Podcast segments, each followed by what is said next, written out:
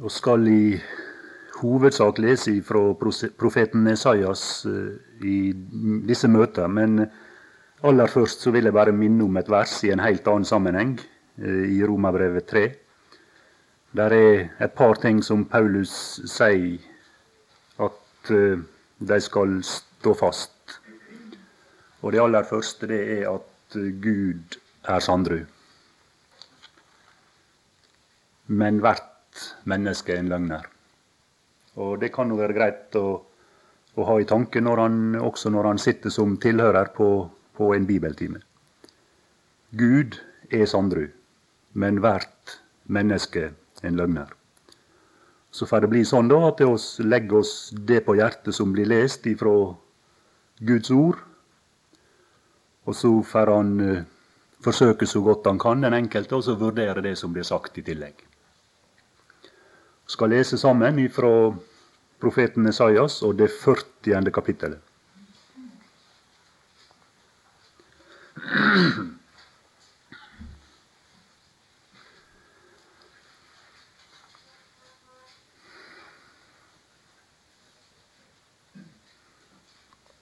Trøst, trøst mitt folk, sier deres Gud. Tal vennlig til Jerusalem, og rop til det at dets strid er endt, at dets skyld er betalt, at det av Herrens hånd har fått dobbelt for alle sine synder. Hør, det er en som roper, rydd i ørken en vei for Herren. Gjør i ødemarken en jevn vei for vår Gud. Hver dal skal heves, og hvert fjell og hver haug skal senkes. Det bakkete skal bli til slette og hamrende til flatt land. Og Herrens herlighet skal åpenbares, og alt kjøtt skal se det, for Herrens munn har talt. Hør, det er en som sier rop, og en annen svarer, hva skal jeg rope? Alt kjøtt er gress, og all dets herlighet som markens blomst. Gresset blir tørt. Blomsten visner når Herrens ånde blåser på det. Ja, sannelig, folket er gress Gresset blir tørt, blomsten visner, men vår Guds ord står fast til evig tid. Stig opp på et høyt fjell, du Sions gledesbud. Oppløft din røst med kraft, du Jerusalems gledesbud. Oppløft den, frykt ikke. Si til Judas byer, se, der er eders Gud. Se, Herren Israels Gud kommer med velde, og hans arm råder. Se, hans lønn er med ham, og hans gjengjeldelse går foran ham. Som en hyrde skal han vokte sin jord. I sin arm skal han samle lammene, og ved sin barm skal han bære dem. De får som har lam, skal han lede.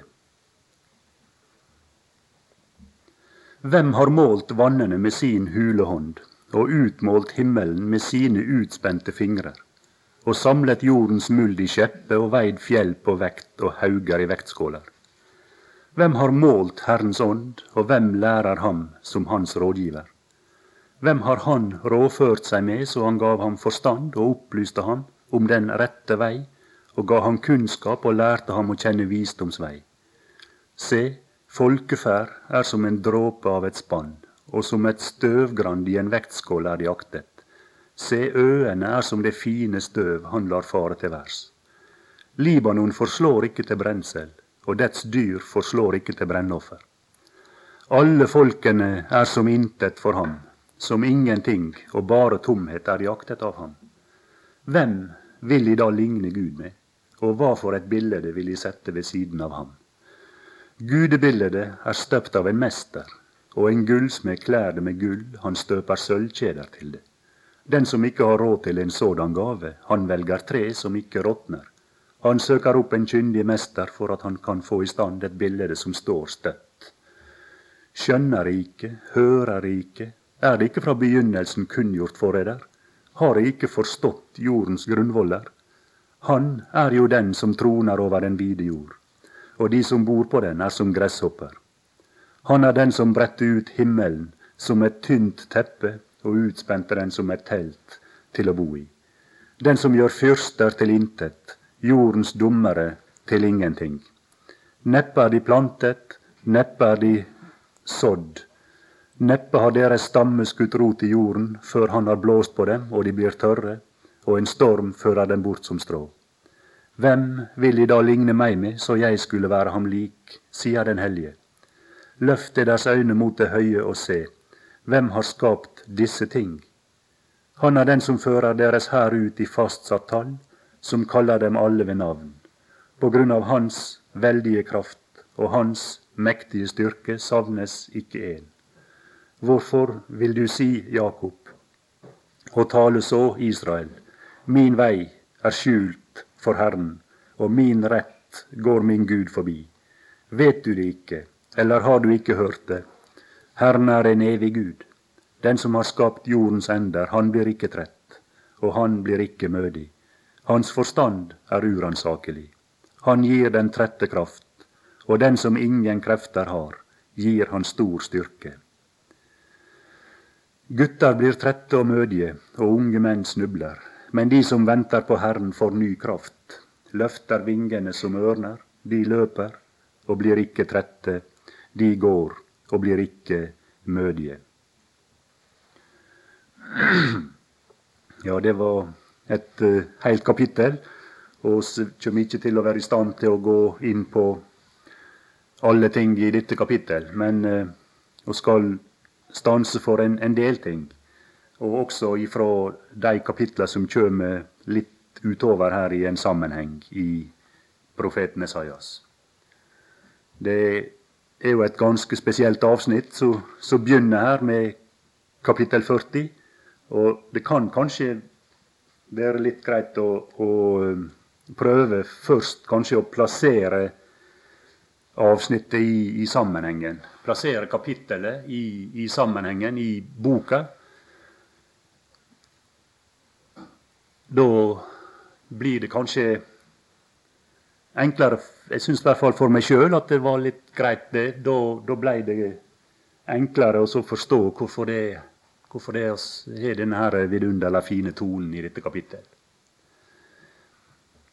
Jeg tror vi skal gå helt fram til Esaias 1, så skal vi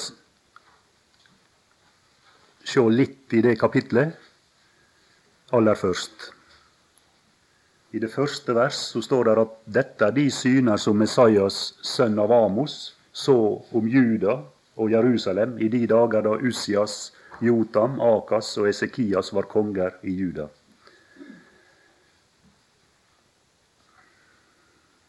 Hør i himler og lytt til du jord, for Herren taler. Og det er egentlig her da ei ganske trist beretning som Herren har å fortelle, når Han nå begynner å tale. Barn har jeg oppfødd og fostret, men de er falt fra meg. Det må være en situasjon som er noe av det aller mest fortvilte som en far kan erfare. Det er når han har vært med og så sett barn inn i verden. Og her står at han er oppfødd og fostra dem. Det taler om en far som ikke bare har sett barn inn i verden, men som har gjort ting for at disse barn skal skikke seg de skal bli oppfostra og skikke seg sånn som man hadde tenkt. Og da er det så trist når her står at de er falt fra meg. Så sammenligner han dem med lavere skapninger. Så sier han at en okse kjenner sin eiermann, og et asen sin herres krybbe. Israel kjenner intet. Mitt folk forstår intet.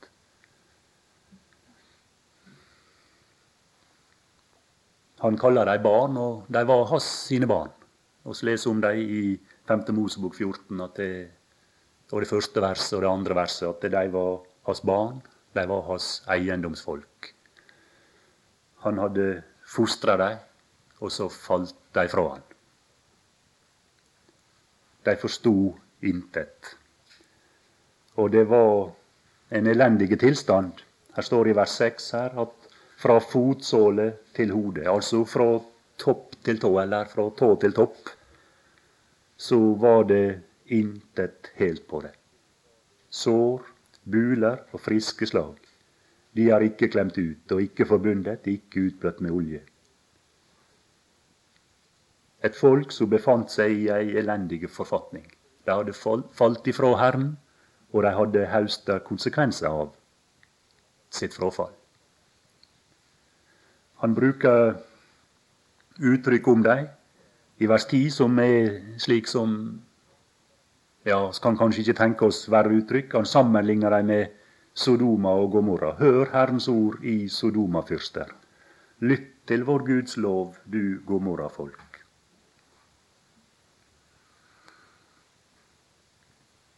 Så er det det også som er bemerkelsesverdig, at på tross av at de var i denne tilstanden, på tross av at det var så elendig, så så ser det ut som at det er sånn Der var en god del former som, av religiøsitet som var i full funksjon.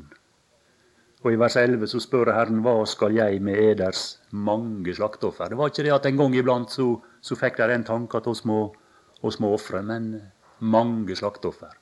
Men Herren han spør hva skal jeg med dem? Og i vers 13 kom ikke mer frem med tomt matoffer. Tomt. Det var kun ei ytre form.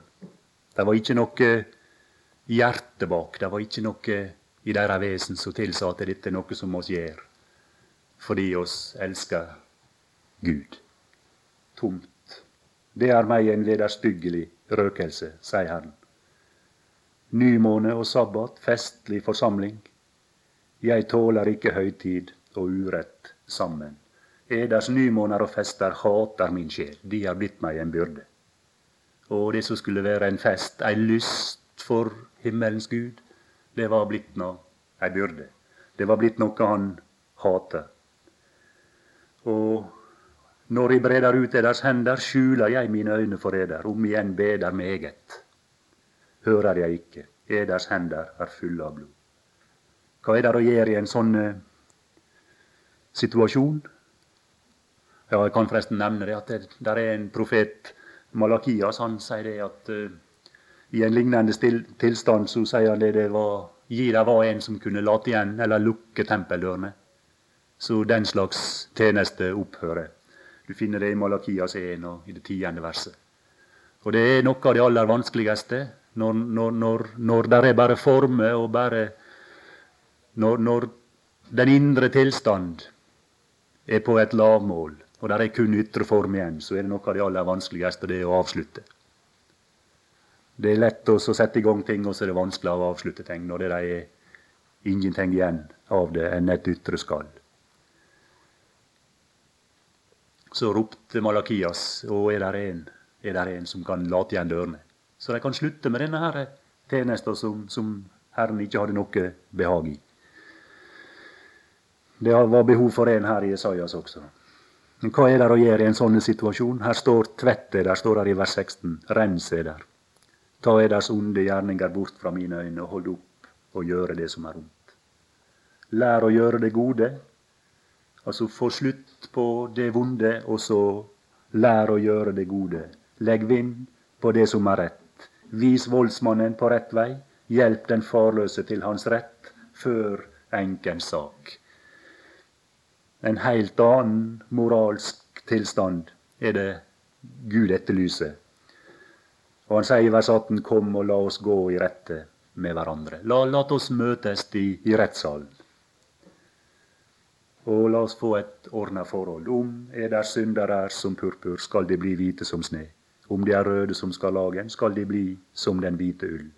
Er i vilje og hører, skal de ete landets gode ting men er i uvilje og gjenstridige, skal de bli oppett av sverdet, for Herrens munn har talt. Her er noe forunderlig. Her er en, I tillegg til å være en omhyggelig beskrivelse av tilstanden, så er det også en invitasjon. En fortelling om hvordan, hva botemiddel er.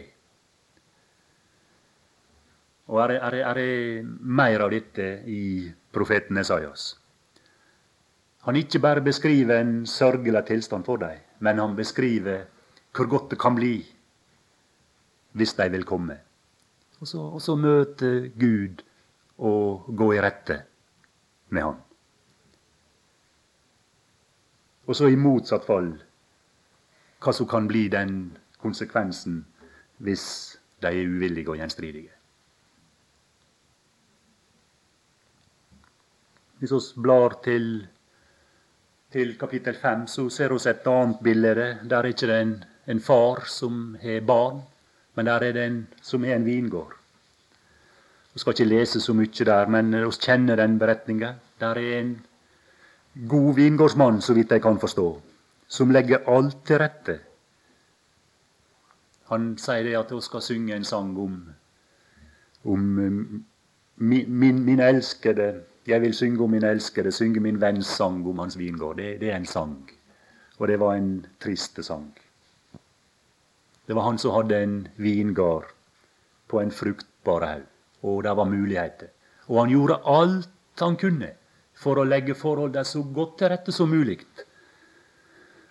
Og her står at han ventet at den skulle bære gode druer. Men den bar ville. Han ventet. Så er det et sånt spørsmål hva var det mer å gjøre? Var det noe jeg ikke gjorde som jeg kunne ha gjort? Som hadde frambrakt de ønskelige resultat? Nei, han hadde gjort alt som kunne gjøres. Og så gikk det som det gikk allikevel. Og så er det det samme her. Her er et, det en advarsel om at her vil muren bli nedrevet, og, og vingården bli nedtrakka. Så munner det ut i ei rekke med vedrop over dette herre folk.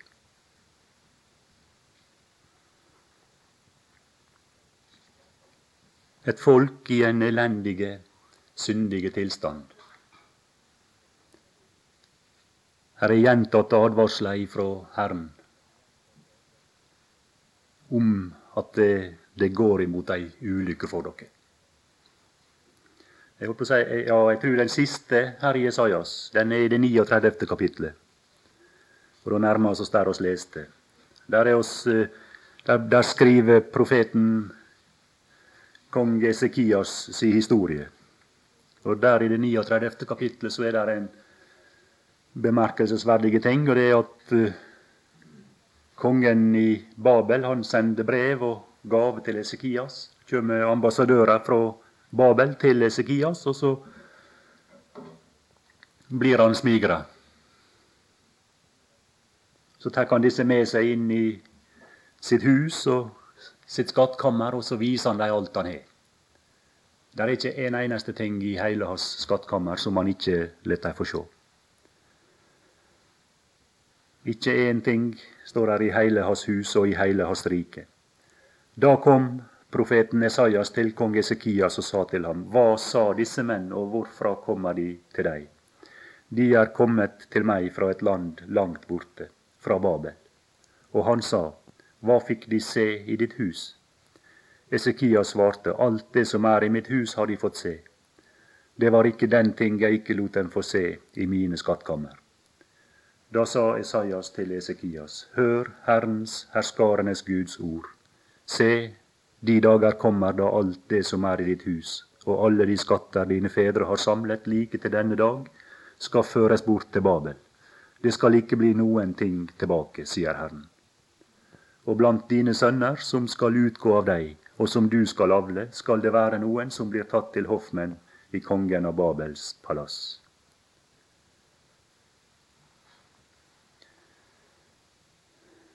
Alt det som er i ditt hus, alle de skatter dine fedre har samlet like til denne dag, skal føres bort til Babel.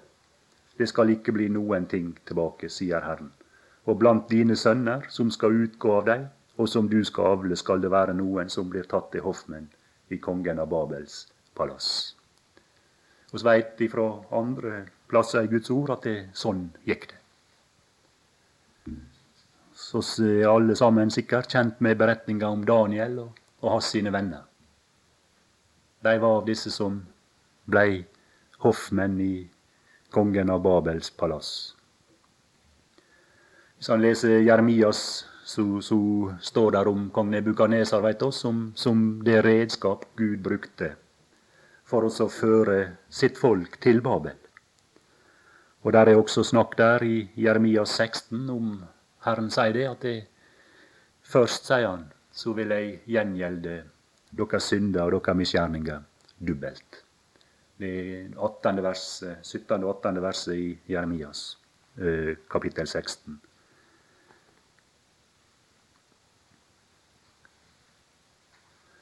Ja, så skifter tonen fullstendig fra Esaias 39 og til Esaias 40. Så skifter det fullstendig. Og hva er det som skjer? Ja, her ser ikke profeten lenger fangenskapet som noe framtidig, som er slik at det, hvis dere ikke omvender dere, så skal dere i fangenskap. Men i kapittel 40 og i de kapitlene som kommer etterpå, så ser profeten fangenskapets slutt. Han ser en Gud som nærmer seg sitt folk for å utfri dem. En Gud som er i fullt arbeid for å få sitt folk hjem igjen ifra Babel. Der er, de er der, som fanger. De er ei ynkelig forfatning. Vi kan se et lite øyeblikk i kapittel 42. Og det 22. verset som står der Det er et røvet og plyndret folk. De ligger alle sammen bundet i huler og skjult i fangehus. De ble røvet, og ingen reddet dem. De ble plyndret, og ingen sa gi tilbake. Det er en kort eh, beskrivelse av en ynkelig tilstand. Et folk som er røva og plyndra, og som ligger bunden i hule, i fangehus. Og her står i det 24. verset hvorfor de kom til denne tilstand. Det var Herren, Han som vi syndet mot. Han overga dem. Han overga dem. Men her i kapittel 42, her er han kommet for å utfri. Se i vers 7, vers 6. Jeg, her taler han om han som var utfrieren i denne situasjonen. Det skal komme til om et øyeblikk. Jeg, Herren, har kalt deg i rettferd, rettferd og tatt deg ved hånden, og jeg vil verne deg og gjøre deg til en pakt for folket, til et lys for hedningene, for at du skal åpne blinde øyne og føre de bundne ut av fengselet, og føre dem som sitter i mørket, ut av fangehuset. Og her hadde Herren funnet en person som skulle være redskapet som han skulle bruke når han skulle få sine ut. Vi taler ofte og hører ofte talt om at Herren førte sitt folk ut av fangenskap i Egypt. Oss taler sjeldnere om at Herren fører sitt folk ut av fangenskap i Babel. Men eh, Jeg tror det er slik at Gud i himmelen han ønsker ikke å ha sine folk, eller ha sine barn, sitt folk, som fanger noen plass. Og Så langt som jeg kan forstå det, så er det to plasser som er lett for å bli fanga. Det er enten i Egypt eller i Babel. Der er to jeg vet ikke om man kan kalle det to grøfter, men det er i hvert fall to, to plasser som er fryktelig lett for å bli fanga, den ene eller den andre av dem. Og Herren er ikke interessert i å ha oss noen av de plassene. I andre Mosebok, når vi leser om utfrielsen fra Egypt, så, så møter vi en person. Vi møter en person, Moses, som, som, på en spesiell måte er Herren sitt redskap når de skal føres ut. Og vi vet at i apostelgjerningene så sier Stefanus det i sin tale like før de steina han til døde.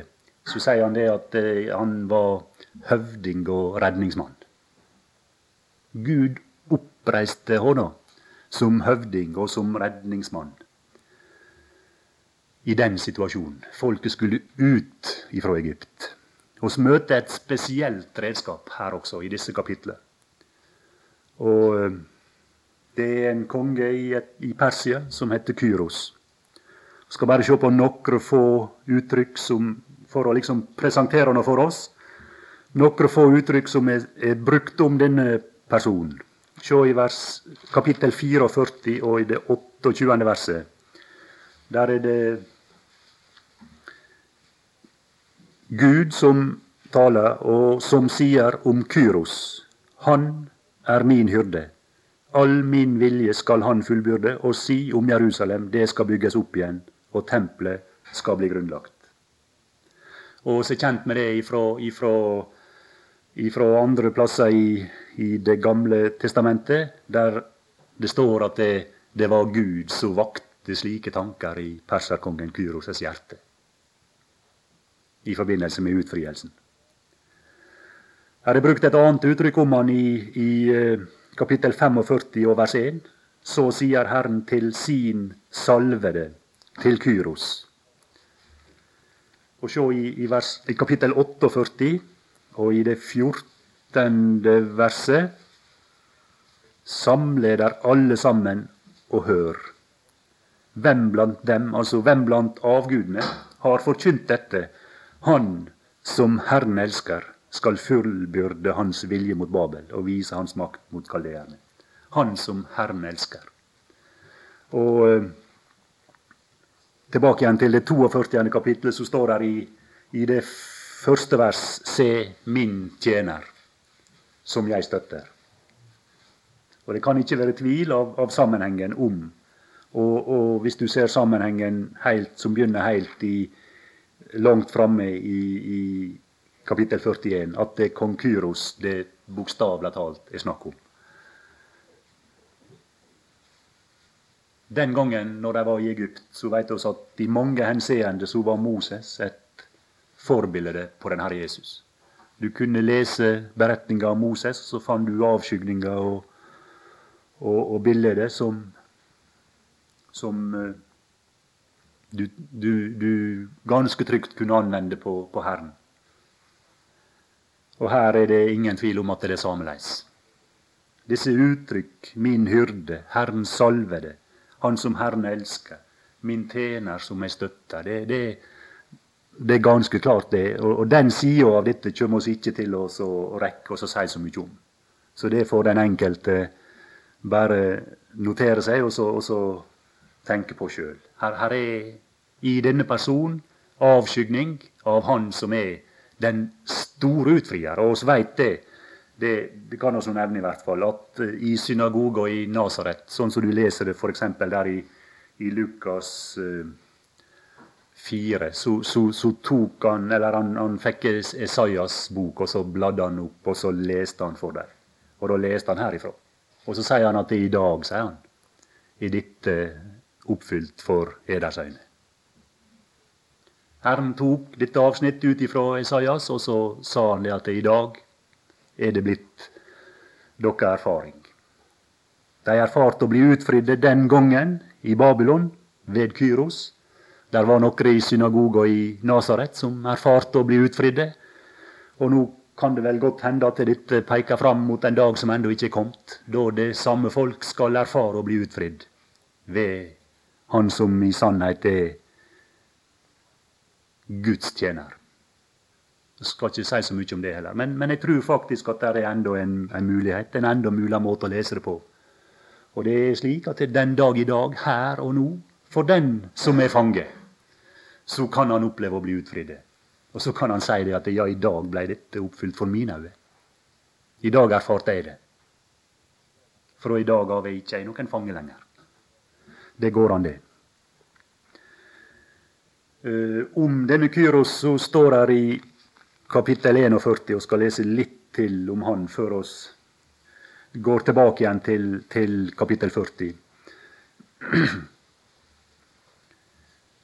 Det er vel kanskje sånn at i kapittel 40 så taler, taler Herren trøst og oppmuntring til, eh, til sitt folk som sitter der. I eh, kapittel 41 så taler han vel kanskje til, til eh, de omgivende nasjoner, hedningefolket. og Det skal ikke jeg si noe om. Men det står i vers 2.: Hvem vakte fra Østen ham som seieren møter, hvor han setter sin fot? Han gir folkeslag i hans vold og lar ham herske over konger, gjør deres sverd til støv. og deres bue til strå, som føres bort av vinden. Han forfølger den, drar frem, frem i sikkerhet på en sti hvor han før ikke kom frem med sine føtter. Et forunderlig avsnitt. En konge. Og til å begynne med, så vidt jeg har forstått det, så var han en ganske ubetydelig konge. Men så gjorde han den erfaring at det, uansett hvor hen jeg vender mitt sverd og, og mine føtter, så vinner jeg seier. Som seieren møter hvor han setter sin fot. Og her står at han, han forfølgde sine fiender. Han drar frem i sikkerhet på en sti hvor han før ikke kom frem. Ikke kom med sine føtter. Og det som var ganske umulig for denne å utrette før, det var plutselig lett. Det, han, han, han dro fram i sikkerhet. Ingen fiender kunne stå seg. Så er det spørsmål hva er det som er, hvem er det som er, står bak når noe sånt skjer? Hvem utrettet og gjorde dette? Og det var, det var Herren. Det var Herren som hadde sett seg ut denne personen som sitt redskap. Denne mann skal jeg bruke og utruste, og så skal han være den som skal fri ut mitt folk ifra Babylon. Ja, det blei Det blei ei lang innledning. I det 40. kapittel og det første Merke den måten han nærmer seg sitt folk på. Disse som var i den ynkelige forfatning, som, som, som en konsekvens av sitt frafall, så satt de her, bundne, i hule, skjult i fangehus. Så kommer han, og så er det en sånn Ja, tal vennlig, står der. Tal vennlig. Og så er vel alle sammen oppdaga det at det, et, et hardt, et uvennlig ord kan bryte kontakter. Hvis vi vil, virkelig vil nå kontakt med en person, så kan bare tonefallet være av avgjørende betydning. Tal vennlig til Jerusalem. Et, et skeivt ord, et litt, litt, litt, feil, litt hardt tonefall, så, så, stenger det seg med en gang.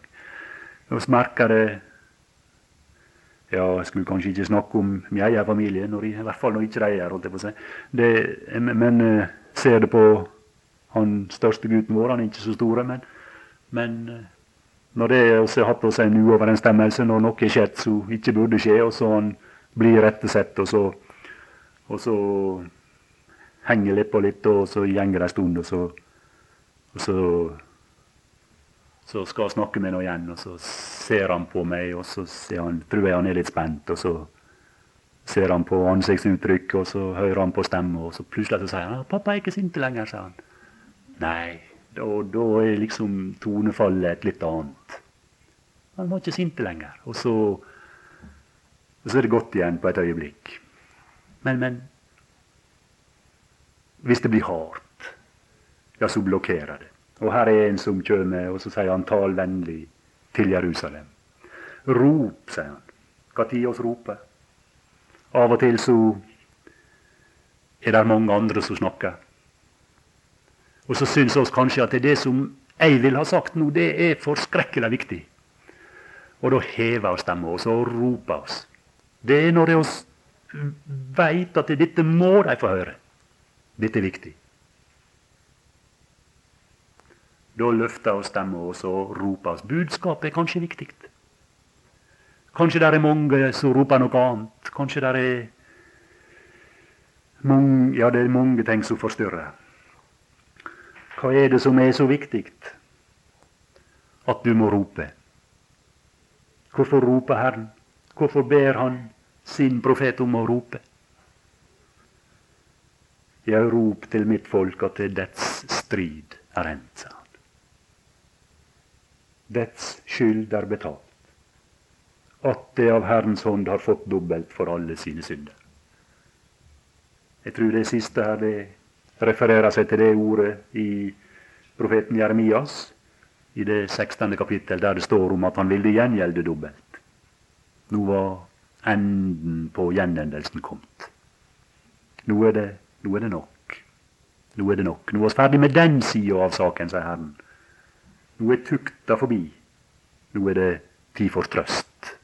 Nå er det tid for gjenopprettelse. Rop til deg at til striden den er endt, at dets skyld er betalt, at det av Herrens hånd har fått dobbelt for alle sine synder. Det er et vidunderlig fint ord, og det kan anvendes på den enkelte den dag i dag. Det må det ikke være noe tvil om. Så står det i vers 3.: Hør, det er en som roper, rydd i ørkenen vei for Herren. Rydd i ørkenen vei for Herren. Gjør i ødemarken en jevn vei for vår Gud. Hver dal skal heves, og hvert fjell og hver haug skal senkes. Det bakkete skal bli til slette, og hamrene til flatt land. Jeg kan ikke si så mye om det, men, men jeg kan i hvert fall si det at det ser ikke ut som om at det skal være noe som skal kunne hindre Herren nå når han er på vei for oss å utfri sitt folk. Det skal ikke være, skal ikke være fjell eller daler eller, eller sjøer eller elver eller noe sånt som skal kunne være noe hindring når han skal utføre denne gjerning. Det skal ikke være høgde som han ikke kan komme over, eller dybde. Så er det noe som alltid skjer når Herren er i aktivitet, og når Han utfrir sine det er at Hans herlighet den blir åpenbart, den blir synlig. Alt kjøtt skal skje det, se det, for Herrens munn har talt. Hør, det er en som sier rop, og en annen svarer, hva skal jeg rope? Alt kjøtt er gress, og all dets herlighet som markens blomst. Gresset blir tørt, og blomsten visner når Herrens ånde blåser på det. Ja, sannelig, folket er gress. Gresset blir tørt, blomsten visner, men vår Guds ord står fast til evig tid. Herrens herlighet skal åpenbares. Og så er det snakk om menneskelig herlighet her. Her kommer litt mer av det lenger ned i kapitlet. og skal se litt mer på det seinere i kveld. Men vi skal jo bare si litt sånn foreløpig. all menneskelig herlighet. Den kan se voldsomt herlig ut, og det kan se voldsomt fint ut for våre øyne. Det er som gras, sier han.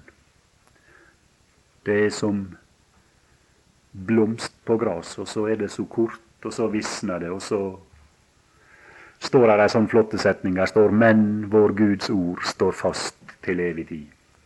Her står i, i, vers, i vers 24 at det, at det, det bare et pust. Så blås, han blåser på dem, og og så er det som en storm som fører bort strå. Han sammenligner det med det. Jeg tenker av og til på, på den tildragelsen som, som, som uh, oss leser om i apostelgjerningene 12. I det kapitlet så, så finner vi en av de store, en av de som hadde herlighet i denne verden.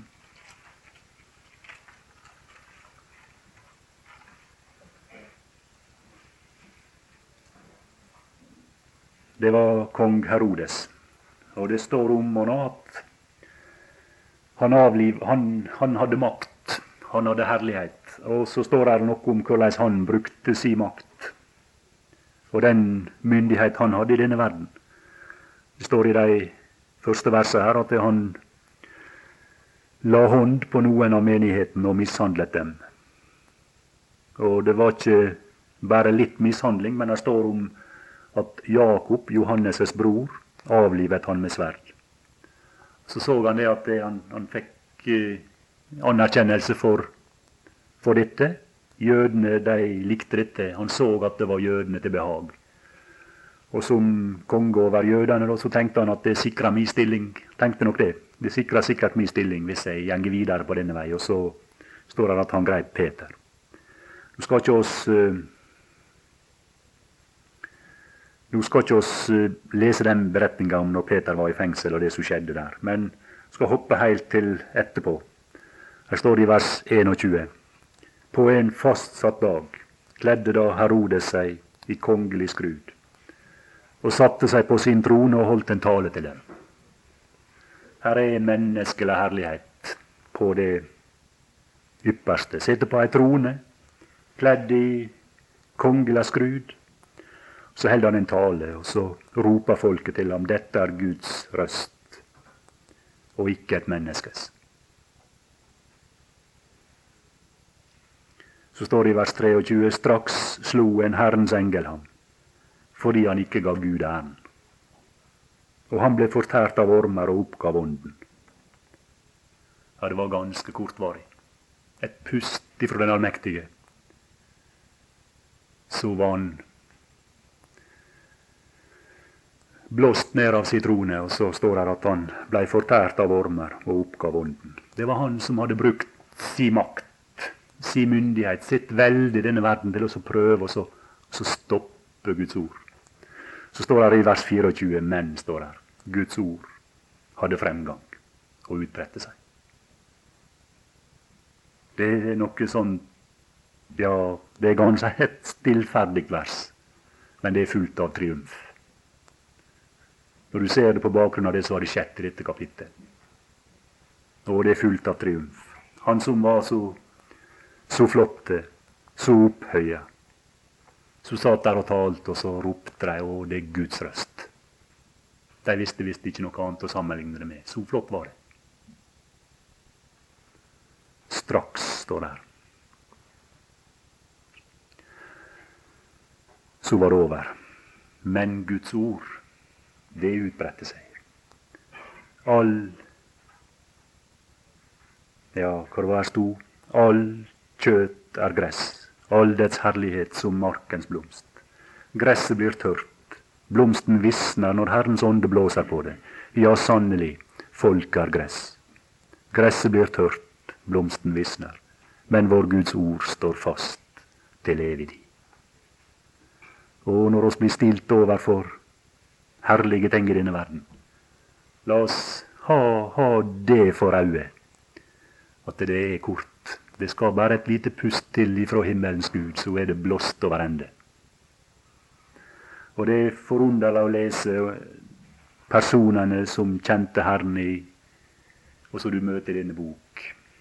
De, de hadde fått en annen verdiskala på et vis. De hadde fått et annet syn på hva som var herlig, og hva som var, hva som var noe å satse på. Og tenkte litt på Peter i, i formiddag. Der i, Jeg var ikke sikker på om jeg skulle ta med det, men, men han, han han er en av de som bruker dette ordet uvisnelig. Han hadde sikkert sett litt av At det, er er ting, de ting som Og jeg vet ikke om det er noe med det som han var med og opplevde der i, i det tolvte kapittelet i apostelgjerningene, som gjør at han skriver som, om det uvisnelige. Og Han siterer nettopp dette verset fra Isaias vet oss, i sitt første brev, og, og mot slutten. Herrens ord blir evinnelig, sier han. Alt kjøtt er som gress. Gresset visnet, og blomsten på det falt av. Og Så er Peter blitt opptatt med en arv som han er gjenfødt til. En uforgjengelig, usmittet og uvisnelig arv. Og en arv som ikke forgår, en arv som de ikke hefter ureine ting med. Den er ubesmittet. Og den taper ikke seg når han blir gammel. Den visner ikke så hadde han sikkert også sett at det, var mange av de som jaga etter ære, jaga etter berømmelse, etter sånne ting i denne verden. Så hadde Peter for sin egen del han hadde fått øye på en annen krans. En som ikke visner. En uvisnelig krans. Og så, og så forteller han de han skriver til, hvordan de kan stelle seg i denne verden for å være med og få del i ærens uvisnelige krans, som han sier. Og Vi finner det samme i, i, de andre troende sitt liv. Vi finner det når vi leser, leser forskjellige plasser fra i, i Paulus sine brev. Han var en av de som var blitt opptatt med det som blir. I kontrast til alt dette her som er så kortvarig, og som svinner.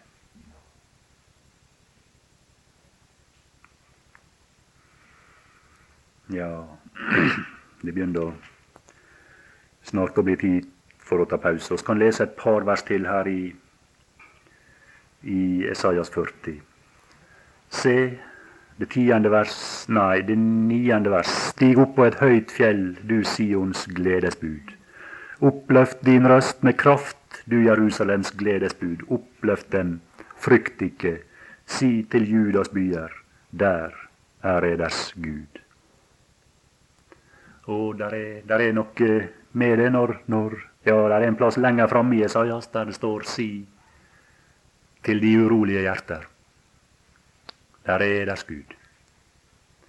Og der er noe ganske fint når, når, når han er nedbødde, når han er tynga på et eller annet vis i denne verden, og alt er trist. Og sånn som for disse som var fanget, så var det godt også å få vite at det der er er deres Gud. Han er ikke så langt vekke kanskje som oss tror. Og ikke bare det, men de fikk beskjed om at ser Israel, Herren Israels Gud kommer med velde. Og de hadde bruk for de som satt i dette fangenskapet i et av de mektigste verdensrike som har eksistert. De hadde bruk for å bli presentert for en gud med velde. For det krevde en gud med velde for å få dem ut derifra. Det er ganske klart. Vi skal se litt mer på det kanskje i, i, om, om, i, etter pausen i kveld. Det krevde en gud med velde. Og han presenterer seg i disse kapittel som en kolossalt stor gud. Men så var det også voldsomt godt også, ikke bare at det var en gud med velde, men her er en gud med omsorg. Som en hyrde skal han vokte sin jord. I sin arm skal han samle lammene, og ved sin barm skal han bære dem. De får som har lam, skal han lede. Og det var en av årsakene til Det er alltid en av årsakene til Guds folks ulykke. Det er at det er hyrder som er opptatt av å røkte seg sjøl, som det står i Esekiel 34. Ved Israels hyrder som røkter seg selv. Er det ikke jorden hyrdene skal røkte? Ja, skulle tro at det var selvfølg en selvfølgelighet. Men uh, hyrdene i Israel, de åt sjøl opp fettet, står her. Fettet eter de, og med ullen klær de der. Det fete slakter i jorden, røkter ikke. Det svake har ikke styrket, og det syke har ikke lekt, og det sønderbrutte har ikke forbundet, og det bortdrevne har ikke ført tilbake. Og det fortapte har ikke oppsøkt, men med vold og med hårhet har de hersket over dem. Og således ble de avspredt, står det. Og i, Hvis vi hadde lest litt mer i Jesajas 1, så hadde vi fått lest noe om Israel sine førere, som, som hadde vært de som gikk foran og ødela.